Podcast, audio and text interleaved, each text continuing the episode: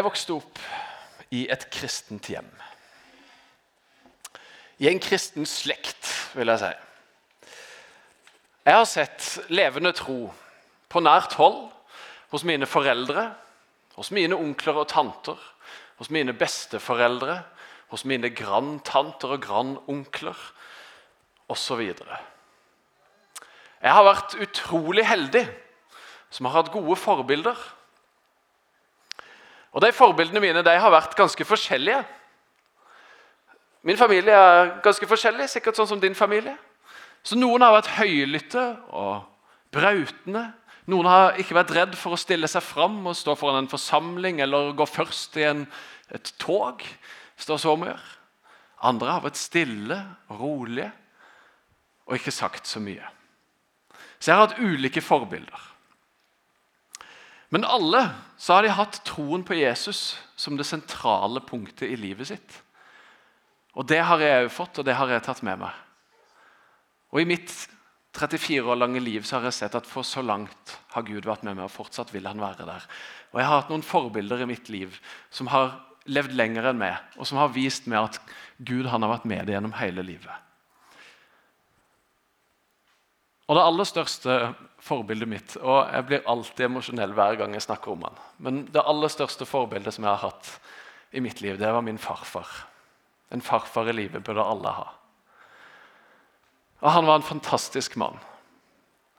Og Han var en av de som var stille og rolig og lavmælt. Men han var alltid positiv. Han var blid. Han var oppmuntrende, han var tålmodig, han var vennlig. Han var en utrolig god mann. Og Det er særlig to ting ved farfar som gjør han til mitt største forbilde.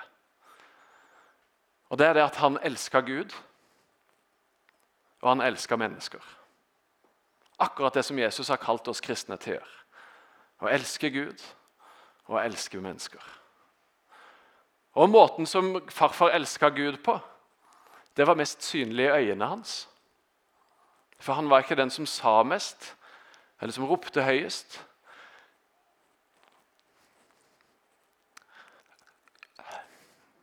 Men Jesus lyste i øynene hans.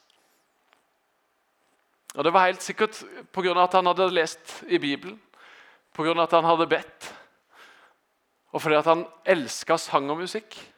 Så hver gang vi sang, eller hver gang vi satte på en, en sang om Jesus, så kunne du se åssen det strålte i øynene hans. Og så kom tårene. Og så var Jesus bare så utrolig synlig i hans sitt liv og i hans sitt blikk og i hvem han var. Og måten som han elska mennesker på, eller elska meg på, da, det var at han så meg. Når jeg kom, så ga han meg en god klem. Og Så kommenterte han skjeggveksten min, selv om den ikke var noe særlig som 14-åring. Og lurte på om jeg hadde barbert meg i det siste. og sånne ting. Han tok meg med, og vi lagde trebåter nede i verkstedet hans. Og tok de med ut i dammen de hadde haven, og lekte med båtene der. Men han så meg. Han brydde seg om meg. Og han elska meg. Og jeg har en så utrolig lengsel etter å få lov å være sånn som farfar. En som du ser det i øynene på at han elsker Jesus. Og en som elsker de som er rundt seg. Som har tid, og som har et blikk. Og som har noe å gi videre til de som er rundt seg. Og Vi har en person i menigheten her som minner meg om farfar. Ja, han sitter på rad fem. Han heter Kåre Røynås. Eh, som er et av mine forbilder. Jeg har sikkert forbilde til alle som er her. For han har noe av det samme. Du kan se gløden i øynene hans. Du kan se Jesus som stråler. Du kan høre han takke seg amen i benkeradene. Og Han har alltid en god klem, han har et godt ord, han har noe positivt å gi. Og Sånn har jeg lyst til å være. På min måte, med min personlighet, med den jeg er. Men det er sånn forbilde. Når jeg ble sånn 13-14 år, så fikk jeg et forbilde til. Jeg hadde farfar da òg. Han døde for noen år siden. Men da var det en eh, kar som er fem år eldre enn meg. Og han, altså han var i slutten av tenåra, sånn 19-18-19-20 år. Så ga han avkall nærmest på sitt eget liv for å henge med oss som var 14-15 år, og for å bruke tid med oss. Og Jeg er utrolig takknemlig og glad for at jeg kan kalle han en av mine beste venner i dag. Det er Magnus Gelein. Mange av dere kjenner han. Han sitter òg her. Og det han valgte å gi opp i sitt liv fordi at han hadde så mye å gi videre til oss små drittunger. på en måte. At han gadd å ta oss med og spille bowling og spille biljard. Det var én ting, og det var fantastisk gøy. Men han viste meg hva det vil si å ha en levende tro som ungdom. Han viste meg hvordan å åpne Bibelen og lese den. Vi satt hjemme hos han og sang lovsang med og mine kamerater. Sammen med han. Det var han som tok med meg på Powerstation her i Misjonskirka, hvor jeg har blitt siden. Og som introduserte meg for venner i miljøet her, som ga meg et hjem å komme til. Og som jeg fortsatt får være en del av. Han var et enormt, og er et forbilde enda. Og vi har det masse godt sammen. Vi lever tett på hverandre. Og det er jeg utrolig glad for. Og når han tok med meg inn i misjonskirka, her, så kjente jeg meg raskt hjemme. Jeg fikk venner. Jeg fikk oppleve å være en del av et fellesskap som var godt, og der det var rom for meg. Jeg hadde trygge eldre ungdommer å se opp til i Power Station, men jeg kunne også merke at i menigheten her så var det plass til oss ungdommer. Det var en menighet som heia på de unge, som løfta oss fram, som ga oss plass, og som sa dere ønska, dere er villa. Så fantastisk at dere er her. Dere har noe å bringe inn i fellesskapet. Og Det har jeg jo skjønt at ikke bare var spesielt for begynnelsen av 2000-tallet, når jeg kom inn, men det er jo som en del av kulturen i menigheten her. Det er jo historien. Fra søndagsskolebussen som kjørte rundt i byen og plukka opp barn til søndagsskolen, til speiderarbeidet, som nådde mange hundre speidere på et tidspunkt, til ungdomskor, som det ble etter hvert, til dansegruppa Grønn linje, som var noe helt banebrytende. Å danse i kirka, liksom. Å kunne ha høy musikk og røyk og lys og sånne ting. Og De fikk sikkert mye kjeft rundt forbi, kanskje til og med i Grimstad. Men de fikk plass, og de fikk rom, og de fikk lov. Og Det var fordi det var en menighet som ga rom for det, som ga plass for det. Og som sa at vi kan ha det her. Og som ga ungdommene mulighet.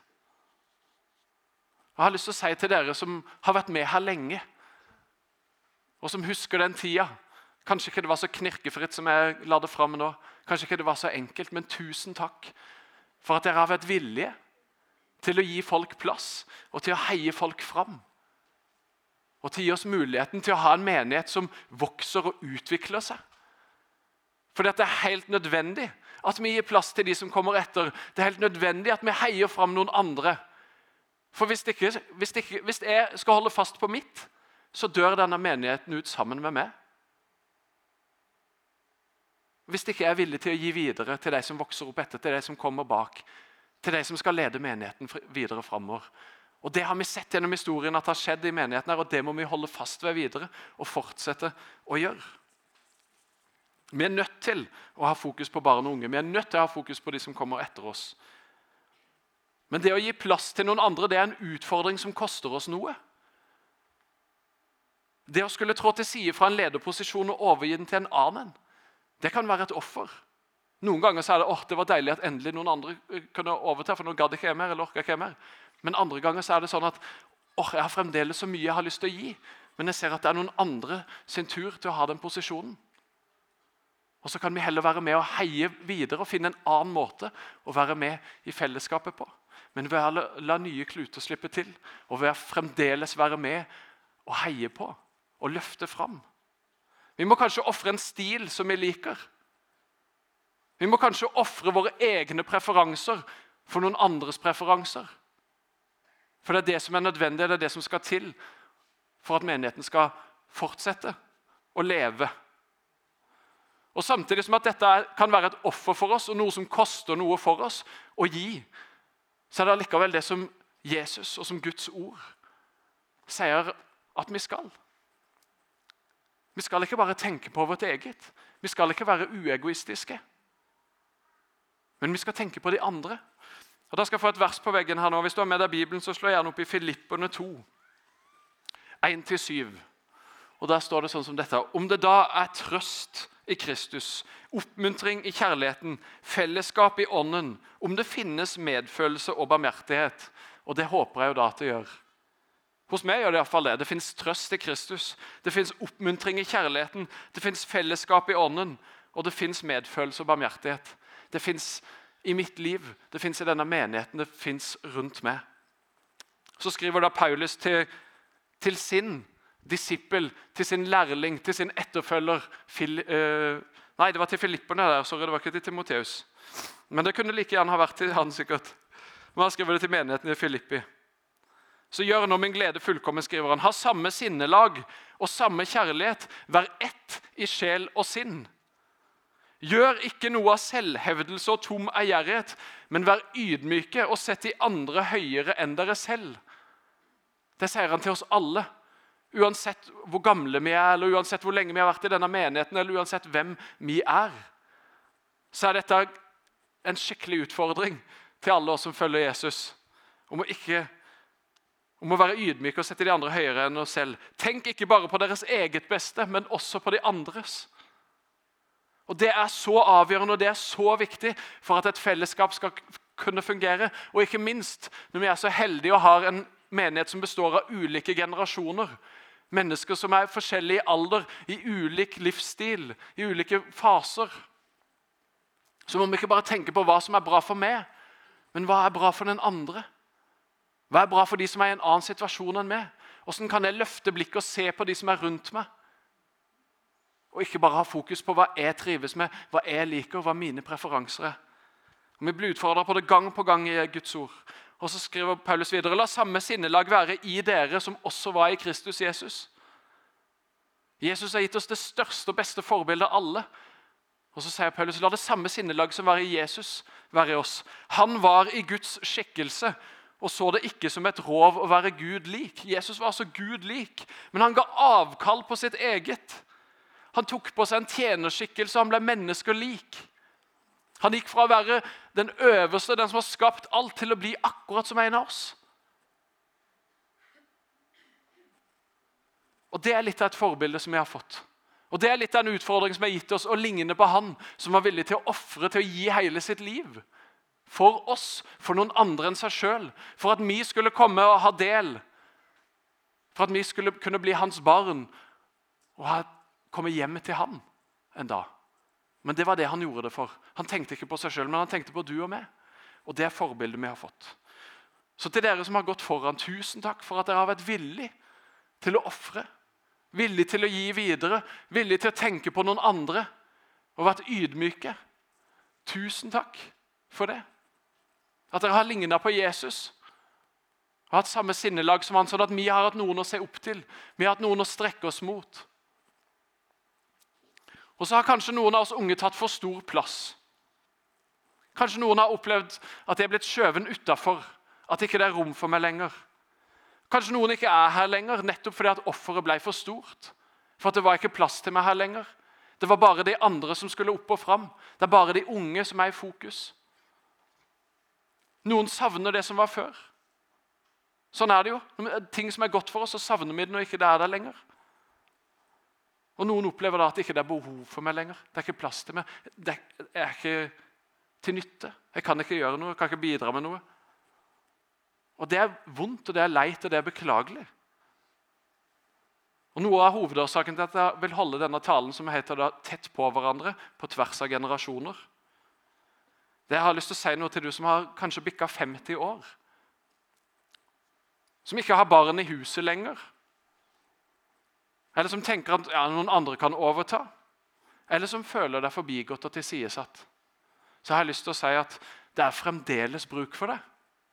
Du er en viktig del av dette fellesskapet. Og vi trenger og vi ønsker din erfaring, vi ønsker din varme og vi ønsker din tilstedeværelse. Det er plass til det. Du hører hjemme her like mye som oss andre.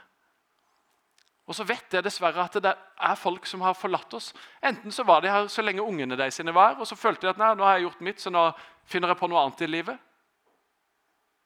Mens andre har da kjent på akkurat det at jeg er blitt skjøvet på utsida. Det var ikke rom for meg lenger. det var ikke plass for meg lenger. Og det er ikke sikkert at, at tjenestene vil være de samme. Kanskje det er en annen type tjeneste.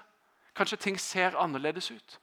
Men vi har så behov for at det er noen å se opp til. Noen som har levd lenger, noen som har en visdom som ikke vi har. Som vi kan se på. Og I løpet av mine år her i menigheten så har jeg jo fått gleden av å bli kjent med folk i ulike aldre. Og Det er ikke bare fordi jeg er pastor og derfor har naturlig relasjon med mange. Det er selvfølgelig en kjempefordel etter hvert. Men jeg hadde det før jeg ble pastor her òg. I begynnelsen av 20-åra ble jeg og Maria kona mi med i en cellegruppe. Vi hadde ikke barn. I den cellegruppa så var det noen som var 40 år, noen som var 50 år, noen som hadde små barn, noen som hadde litt større barn. Og Vi fikk lov å se og lære av de. Og Det er så godt å treffe de folka. Elin og Rune Medtveit som sitter her. Kjell og Kjersti Birkeland. Reidar og Vibeke Tønnesen. Noen som har levd lenger, noen som jeg fikk lov å bryne meg på en måte på. da. Som hadde levd lenger, som visste noen andre ting, som hadde opplevd noe annet, som var i en annen livsfase enn det jeg var. Og Det var så utrolig godt. Og Blant dere som er godt voksne nå, de eldste i menigheten, det er så mange av dere som jeg er så takknemlige og glad for, som er så rause og gode. Når jeg treffer på som har et godt ord å gi, og som ser meg. Jeg håper dere gjør det med alle de unge menighetene. At ikke det er bare meg fordi jeg er pastor. Men jeg håper at dere gjør det fordi at dere har noe å gi videre til, til oss som er yngre. Og At det gjelder hele fellesskapet. At vi kan være tett på hverandre, at vi kan elske hverandre. Se åssen de elsker hverandre. Er budskapet. Og er det som kan være ja, forbildet for de som kikker på oss. Hva er det med den gjengen der? Det er helt utrolig hvordan de bryr seg om hverandre, hvordan de ser hverandre. Og så er det på tvers av alle. Det er ikke bare fordi at ja, vi liker jo akkurat det samme. Og vi har jo de samme interessene. Nei, det er fordi at vi har Jesus felles. Fordi at vi er Guds barn alle sammen. Fordi at vi tilhører det samme riket. Og så har vi noe godt å gi til hverandre. De som er yngre, har noe godt å gi til de som er eldre, og de som er eldre, har noe godt å gi til de som er yngre. Og så Istedenfor å irritere oss over det som er annerledes, eller over det som ja, er annerledes hos hverandre For det er kjempeutfordrende å være en menighet med flere generasjoner. Det er veldig utfordrende å skulle gjøre alle til laks. Det er alltid noen som blir øret, pleier jeg å si. Men du kan ikke gjøre alle til laks. Alle blir ikke fornøyd. I hvert fall ikke hvis vi skal ha fokus på at jeg skal bli fornøyd. Det må være sånn som jeg liker det. Nei, Det er først når jeg kan være ydmyk og tenke på de andre og rette blikket mitt først og fremst opp mot Han som er troens opphavsmann og fullender, men også ut mot fellesskapet, mot de andre. Hvem kan jeg bety noe for? Så fantastisk at de likte det som ikke jeg syns så mye om.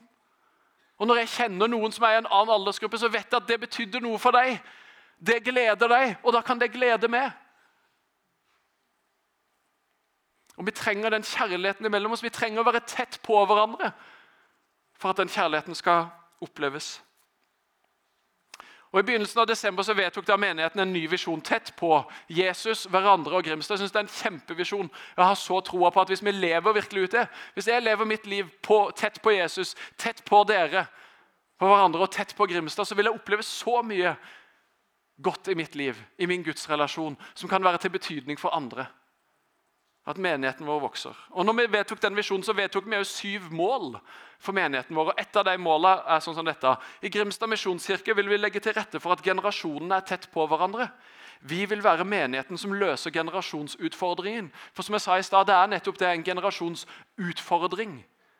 I samfunnet vårt så finnes det nesten ingen arenaer lenger hvor storfellesskapet på en måte, fra de minste barna til de eldste treffes.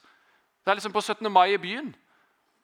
Men ellers er det sånne aldersinndelinger og sånne ting. Men menigheten, der har vi fremdeles muligheten for å treffes. Det er som storfamilien i gamle dager, der de levde, de små barna og foreldrene og besteforeldrene. og De bodde på samme gården, i samme huset. De var tett på hverandre. De lærte noe av det. De hadde en kjærlighet, de hadde en sånn connection til hverandre. Og det fins i menigheten vår fremdeles, men det er en utfordring å klare å holde det sammen. Fordi at vi så gjerne vil ha det som er tilpassa meg og mitt framfor de andres. Og Det er en superutfordring. Men vi har satt oss et hårete mål om at vi vil være menigheten som, som øh, øh, løser den generasjonsutfordringa. Det enkleste hadde sikkert vært å sagt på en søndag formiddag at ungene de går rett til barnekirka klokka 11, og så samles vi voksne her. Så har vi våre egne samlinger. Det hadde sikkert alle vært kanskje mest fornøyd med sånn der og da. i hvert fall. Men nettopp fordi at storfellesskapet er så viktig, så er barna med her i starten. Fordi at vi skal få lov å ta del med barna, men barna skal jo få lov å ta del med oss voksne. Og Derfor har vi familiegudstjenester med jevne mellomrom. Og Noen har kanskje misforstått og tenker at familiegudstjeneste det er for de som har små barn. Og som er på en måte en familie, en småbarnsfamilie. da. Men det heter familiegudstjeneste fordi det er for menighetsfamilien. Og det er sikkert navnet som er årsaken til at, at det er rot. Vi må sikkert finne på et nytt og bedre navn. Tett på hverandre-gudstjenester eller noe sånt. Men det er meint for hele menighetsfamilien. Men selvfølgelig når vi har barna til stede, så må vi jo legge gudstjenestene på et sånt nivå at barna kan få med seg hva som skjer. At de kan være delaktige, at de kan trives. Men jeg blir så glad hver gang jeg hører noen av dere godt voksne som er på familiegudstjenestene, og som ikke bare er der og liksom applauderer og syns det er så fint å se de barna her, men som opplever at jeg får jo noe. Det er jo virkelig en gudstjeneste å komme når de barna er der, og være med på det. Og det, det, gleder meg så utrolig. Og bare at dere er her, det er helt nydelig. Så vi har lyst til at dere skal være her. Dere som kanskje tenker at å nei, det er ikke for meg. Da finner jeg på noe annet.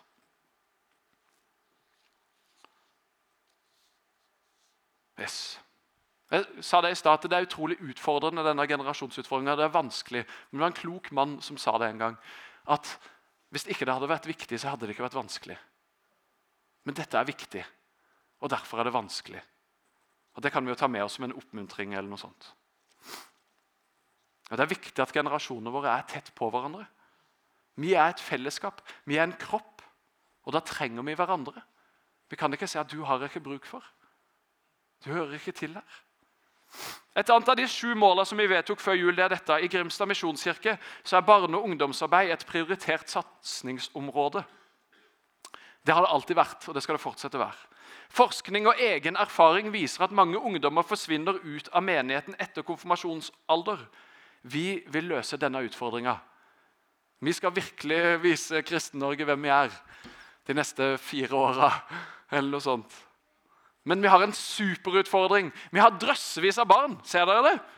Når det er barnekirke, når Hitsuba Luba synger og danser når Vi hadde Syngjulein, det krydda unger her. Vi har masse unger i, liksom i speider, vi har ungdommer i ungdomsarbeid og alt mulig. Men det er kjempemange av de som forsvinner ut bakdøra. Og som forlater menighet, og som forlater enda verre Jesus på veien. Og Det er en superutfordring vi har, for det lekker. Og Vi er nødt til å ta tak i det, vi er nødt til å gjøre noe med det. Vi er nødt til å ha fokus på barn og unge og prioritere dem for at vi skal ha noe å bygge videre på. Og vi ser det, Forskning viser det, men vi ser det òg i vår egen menighet. De vokser opp her, men de forblir ikke hos Jesus. Og Vi har noe som vi kaller for bønnebarn. På bønnemøtene våre så ber vi ofte for bønnebarna. Og Det er de som har vokst opp i menigheten, men som har forlatt menigheten og Gud. Og tenk, Det er fantastisk at vi ber for bønnebarna, det må vi fortsette med. Men tenk om vi hadde litt færre bønnebarn å be for? Tenk om vi hadde litt flere som ble værende hos oss, og som ble værende hos Jesus. Som vi slapp å gå rundt og leite etter dem og få dem hjem igjen. Men så at de var her og var en del av hvem vi er. Og da tror jeg at En av nøklene for å få til at barna skal være her, det er at dere som er voksne, kommer og ser barna våre, er sammen med dem. Og viser dem hvem Jesus er, på en måte som vi ikke kan. Dere har levd et annet liv. Dere har opplevd noe annet, oppnådd noe annet. Har egne erfaringer. Dere har en annen måte å snakke på, dere har en annen måte å være på. Dere har helt sikkert kanskje bedre tid enn oss. Dere har et blikk dere har klemmer. Dere har en tilstedeværelse som dere kan bringe inn, og som barna våre trenger. Og som de lengter etter. Og Kanskje du sitter her selv og har opplevd at dine barn har forlatt menigheten eller har forlatt troa når de sjøl vokste opp. Og du vet hvor vondt det er. Er det noen som har lyst til å være med og ta vare på den oppvoksende slekt, sånn at ikke vi mister dem? Så at ikke vi går glipp av dem. Det er et afrikansk ordtak som sier «It takes a village to raise a child». Det krever en hel landsby å oppdra et barn. og vi kan bruke det om oss selv. «It takes a church to disciple a young». Det krever en hel menighet å disippelgjøre en ung. Det kan ikke bare være noen få sin oppgave. Og Forskning viser det at barn som kjenner fem voksne mennesker i menigheten sin, i tillegg til sine egne foreldre, de kjenner en sterkere tilhørighet til menigheten, og de vil ønske å fortsette i fellesskapet i mye større grad enn andre. Fem voksne utenom sine egne foreldre. Hvem kan du se av våre barn som ikke du har en naturlig relasjon til fra før, sånn at de plutselig får fire til bare som de trenger, tre til bare som de trenger, to til bare som de trenger, for å kjenne tilhørighet til fellesskapet, for å kjenne seg hjemme, for å være, høre til her?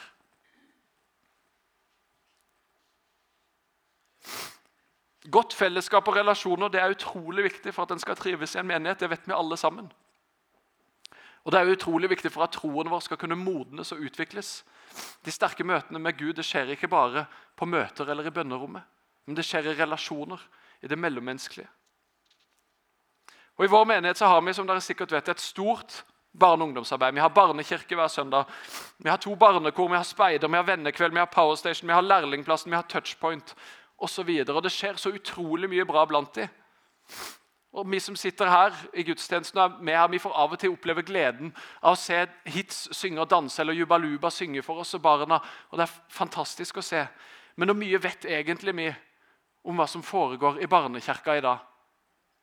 Eller hvor mye vet vi om hva som foregår på vennekveld annenhver lørdag? Eller hvor mye vet vi om hva som skjer på Powerstation på onsdagskveldene? Dere som ikke har barn eller barnebarn der, hvor mye vet dere om det som foregår der? Eller til og med vi som har barn der, hvor mye vet vi om hva som foregår der?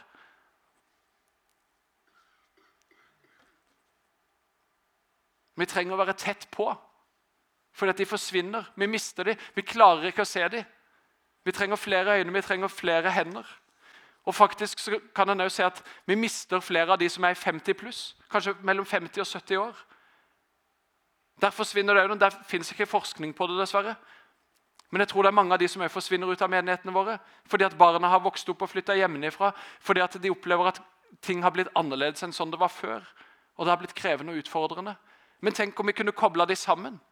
Sånn at Når ens egne barn flytter ut, så får en plutselig lyst til å bety noe for noen andres barn som har flytta til byen og blitt studenter her. Og så plutselig så opplever en mening med å tilhøre fellesskapet fremdeles, selv om ens egne barn har flytta til Oslo eller Peru. Og Så kan vi knytte sammen generasjonene på en måte som gjør at både barna og unge blir, men òg de som er blitt eldre, blir. Som får en fornya tro, kanskje, som kan vokse og modnes i sin tro. Fordi at de får lov å gå sammen med noen unge som utfordrer på en ny måte. Jeg har lyst til å vise dere et bilde som er tatt i forrige uke, var det det jeg tror, som er lagt på Folk i Grimstad misjonskirke. Her ser dere ungdommer som var konfirmanter for tre år siden. Våre ungdommer i menigheten, fem stykk. Og Nederst så ser dere en som var ungdom for 50 år siden, eller ja, 55 år siden. Tobba. Han var med som konfirmantleder for tre år siden. og Fremdeles så samler han den guttegjengen hjemme hos seg med jevne mellomrom. Og Tobba han har begynt i Fevik misjonskirke nå og betyr noe for ungdommene i Fevik misjonskirke fordi han bor på Fevik. Og sånne ting. Og det er fantastisk bra. Men han har tatt det på alvor. Han har gått inn i ungdomsarbeidet. Han har tatt på alvor å ta vare på de som vokser opp, og se de som kommer.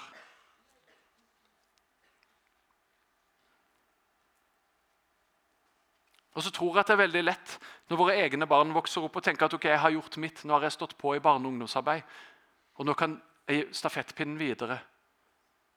Men det gjør at de som er småbarnsforeldre, må ta et stort ansvar der, og så orker en ikke mer. sånn som kanskje ikke dere gjør. Men tenk om vi kunne ha noen forbilder foran oss som viser at å ja, vi trenger ikke å slite oss ut nå. Vi kan heller være med og tjene barna når vi er blitt eldre. Og så kan vi være der som foreldre nå og ha en levende tro på hjemmebane. Og så kan vi ha noen som går foran og viser at ok, når mine unger flytter hjemmefra, eller når de blir litt større, da er det naturlig at jeg går inn og bidrar blant barna og ungdommene. Og så blir det en mye mer sånn langvarig og god greie, tror jeg. da.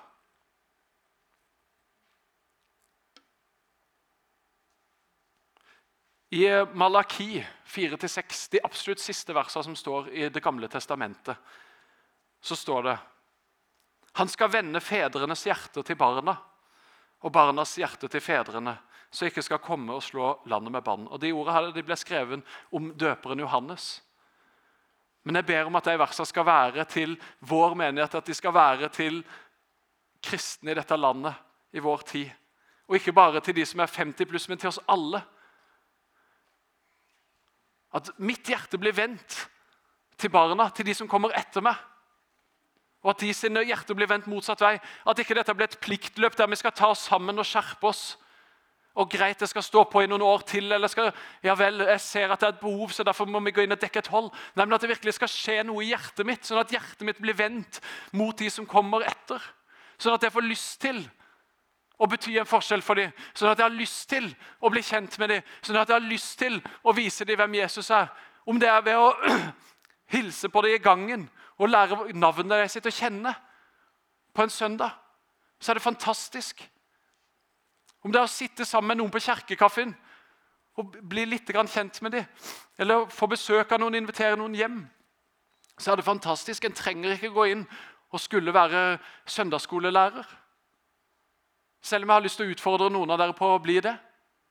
Jeg hørte ei mor som hadde sett på denne semesterplanen. Hun hadde ni søndager der hun skulle ha ansvar. Hun har en 80% jobb, hun har tre barn. Og er med i menigheten er veldig aktivt som skjønner, med ni søndager dette semesteret der hun skal være med. Og Hun sa det, og hun er med i Barnekirka blant annet. Hun sa det, tenk hvis det kunne komme noen litt eldre som kunne fortelle mine barn om Jesus på en annen måte enn det jeg gjør. En sånn jeg snakker om det hjemme, og sånn som jeg snakker om det på barnekirka. Men tenk om det var noen som kunne fortelle det på en annen måte. Og de som er ledere i barnekirka, som alle er i samme aldersgruppe cirka. Det er noen ungdommer der uten barn, men stort sett er det småbarnsforeldre. Tenk hvis de kunne ha noen litt eldre å tjene sammen med, som de kunne lære av, som de kunne se opp til, og som kunne se dem. Bare være til stede og se de som er ledere der, som står på, og se hvilket fantastisk arbeid som drives for barna våre. Og Jeg er sikker på at den vil bli oppmuntra den vil bli utfordra av det sjøl òg. Av å få lov å være sammen med noen som påvirker en på en spesiell måte. Din tid er ikke forbi. Selv om du har blitt pensjonist, eller selv om ikke barna dine bor hjemme lenger. Og du trenger ikke være kul. Det er ikke viktig i det hele tatt. Du trenger ikke å passe inn. De forventer ikke at du skal være kul eller ha noe gøy å komme og si. Men de bare trenger en tilstedeværelse, de trenger en trygghet. Og de trenger noen som er der, og som ser dem.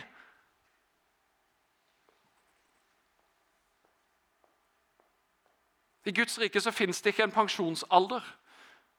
Og dette er ingen befaling altså om å ta seg sammen og stå på litt til, til tross for dårlig samvittighet og manglende interesse.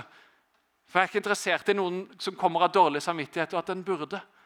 Men det er en invitasjon til fortsatt å vokse, til fortsatt å modnes, til fortsatt å gi videre og bidra til at kommende generasjoner finner veien til Jesus. Så Hvis du får lett dårlig samvittighet, så snakker jeg ikke til det. Da vil jeg at du skal lukke ørene nå. Men til du som kjenner at det dunker litt ekstra i hjertet når jeg snakker om at det fins barn som forlater fellesskapet vårt, og at du har noe som du kan gi videre, fordi at du kan være til stede, du kan se dem, du kan gi dem det som de trenger. Så det jeg ber om, det er en vekkelse blant oss alle til at vi ser det vi har rundt oss, til at vi kan være tett på hverandre, til at vi ser utafor oss sjøl, til at vi blir tent i brann på ny for å bety noe for noen andre enn bare oss sjøl. Noe som er større enn oss sjøl. Og Da ber jeg om, og da håper jeg at Den hellige ånd utfordrer noen av oss, kaller på hjertene våre. Og Kanskje det er akkurat du akkurat i dag som han kaller på. Til å si er du villig til å reise deg fra denne forsamlingen og sitte her og være med i barnekirka en søndag? Er du villig til å invitere noen hjem? Er du villig til å spørre om noen har lyst til å sitte ved siden av deg på kirkekaffen etterpå? Er du villig til å være med på tur med Gros, på Gros, selv om det sikkert er flest småbarnsfamilier der?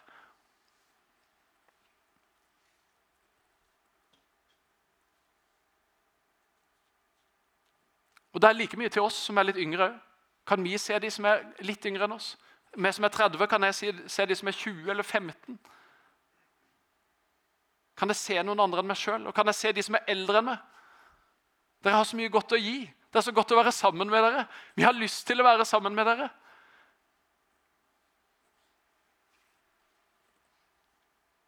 Jeg ber om at hjertene våre skal vende mot hverandre.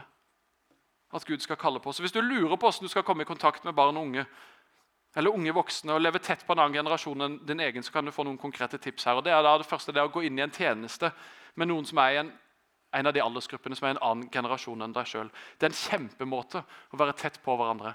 Jeg har lyst til å trekke fram et eksempel. og Det er Janne Korsgaard, som er med i Touchpoint, og som har vært med der lenge. Og Det å se henne og den gløden som hun har for de studentene og de unge voksne som kommer her. Hun er ikke med av plikt, hun er ikke med av dårlig samvittighet. Hun er med fordi hun har lyst. Hun er med som forbeder og veileder og snakker med dem sånn at de har noen trygge å komme til. Hun har flere med seg. Hun var med i styret i Touchpoint òg. Og Vi sitter på styremøte, og så sier hun et eller annet litt morsomt og gøy. Og så sitter en av de studenter, eller unge voksne som er med i styret, og så sier åh, du er det nydeligste mennesket jeg vet. liksom. Du er så herlig, Janne, fordi at du har så mye godt å gi og komme med. Og så er generasjonene tett på hverandre, og så betyr det noe for Janne, som er 50 pluss. Er du 50 pluss? Hun er rett under 50, tror jeg. Men som ikke har unger som bor hjemme, i hvert fall. Hun er jo så ung at eh, Eirik får spørsmål om hun er dattera. Hun bare ser ung ut, i hvert fall. Eller Helge og Helga Syvertsen, som mange av dere kjenner. som De er med med konfirmantene. De steiker vafler, koker kaffe og blander saft. Så at vi kan få lov å ta ansvar for konfirmantene være til stede for det og undervise dem og være sammen med ungdommene. Men så ser jeg ungdommen at det er noen eldre der. Og så er det så godt for oss som er ledere å ha de der. Og så lengter vi etter flere som har lyst til å komme og steike vafler. Som har lyst til å være til stede på det som skjer, og gi av tida si. Så Det er det ene, det er å ha tjeneste. Det andre er å ha cellegrupper der det er aldersspenn, sånn som jeg fikk lov å være en del av. Der det er ulike generasjoner representert. At ikke bare alle er i samme boks og samme livssituasjon. Det er like mye til oss som er småbarnsforeldre. Hva med å invitere noen som er mye eldre, til å være med inn? da? Og ikke bare tenke at det er så greit for oss som har små barn og er i samme situasjon. Vi har jo de samme utfordringene, og vi har mye å snakke om. Og, ja, men tenk hvis det sitter noen der som har vært gjennom de utfordringene før. Som kan komme med noen gode tips, så vi slipper å finne opp kruttet på nytt. Og så kan vi ha fellesskap på en helt annen måte. Det er kanskje den beste måten å være tett på hverandre. Vi setter sammen med noen på kirkekaffen som er en annen generasjon enn deg. Har du lyst til å, være, å sitte sammen med dem? Still spørsmålet 'Hvor kommer du fra?' De fleste kommer fra et sted. Noen syns det er vanskelig å svare på det spørsmålet, men hvor kommer du fra? Hva gjør du her? Hvor lenge har du vært med i menigheten? Noen sånne enkle spørsmål å ta med seg. Eller bli med på tur etter gudstjenesten. Vi hadde tur i, uh, i, uh, rett etter sommeren. Plutselig kommer Bjørg Kaasa. Mange av dere kjenner henne. Kjører elektrisk rullestol til Gros. Bor på Gullmann brygge ved Meny.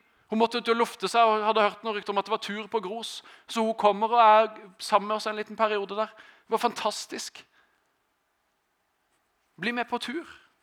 Inviter noen hjem. Vi har hatt sånne lister forrige søndag som du kunne skrive deg på. Det er stor fare for at vi plasserer noen eh, unge, holdt jeg på å eller at det kommer noen unge hjem til noen av dere eldre. Vi plasserer det ikke, de skriver seg på. Men at du får noen som er en annen aldersgruppe enn deg. Vi arrangerer temakvelder med jevne mellomrom der vi forsøker å legge til rette for ulike generasjoner. Og 1. mars så kommer Torbjørg Oline Nyli, som er pastor i Ytre Randesund, var pastor i Fevik misjonskirke før. Hun har skrevet to bøker om dette temaet, og den ene har jeg brukt litt i dag, som heter 'Generasjon savna'. Og dere som er 50 pluss, da, for å si et eller annet, dere er generasjon savna. Vi savner dere. Hun har skrevet en bok før som heter 'Etterlysning åndelige foreldre'. og Hun kommer og har en temakveld for oss. Den boka den kan du få kjøpt ute i bokkiosken etterpå. Jeg var og henta den også i går. Den er veldig bra. Og Hermen Haaland noen av dere vet kanskje hvem det er, han sier hvis det er én bok jeg vil anbefale alle kristne over 40 år å lese i tida framover, så er det denne.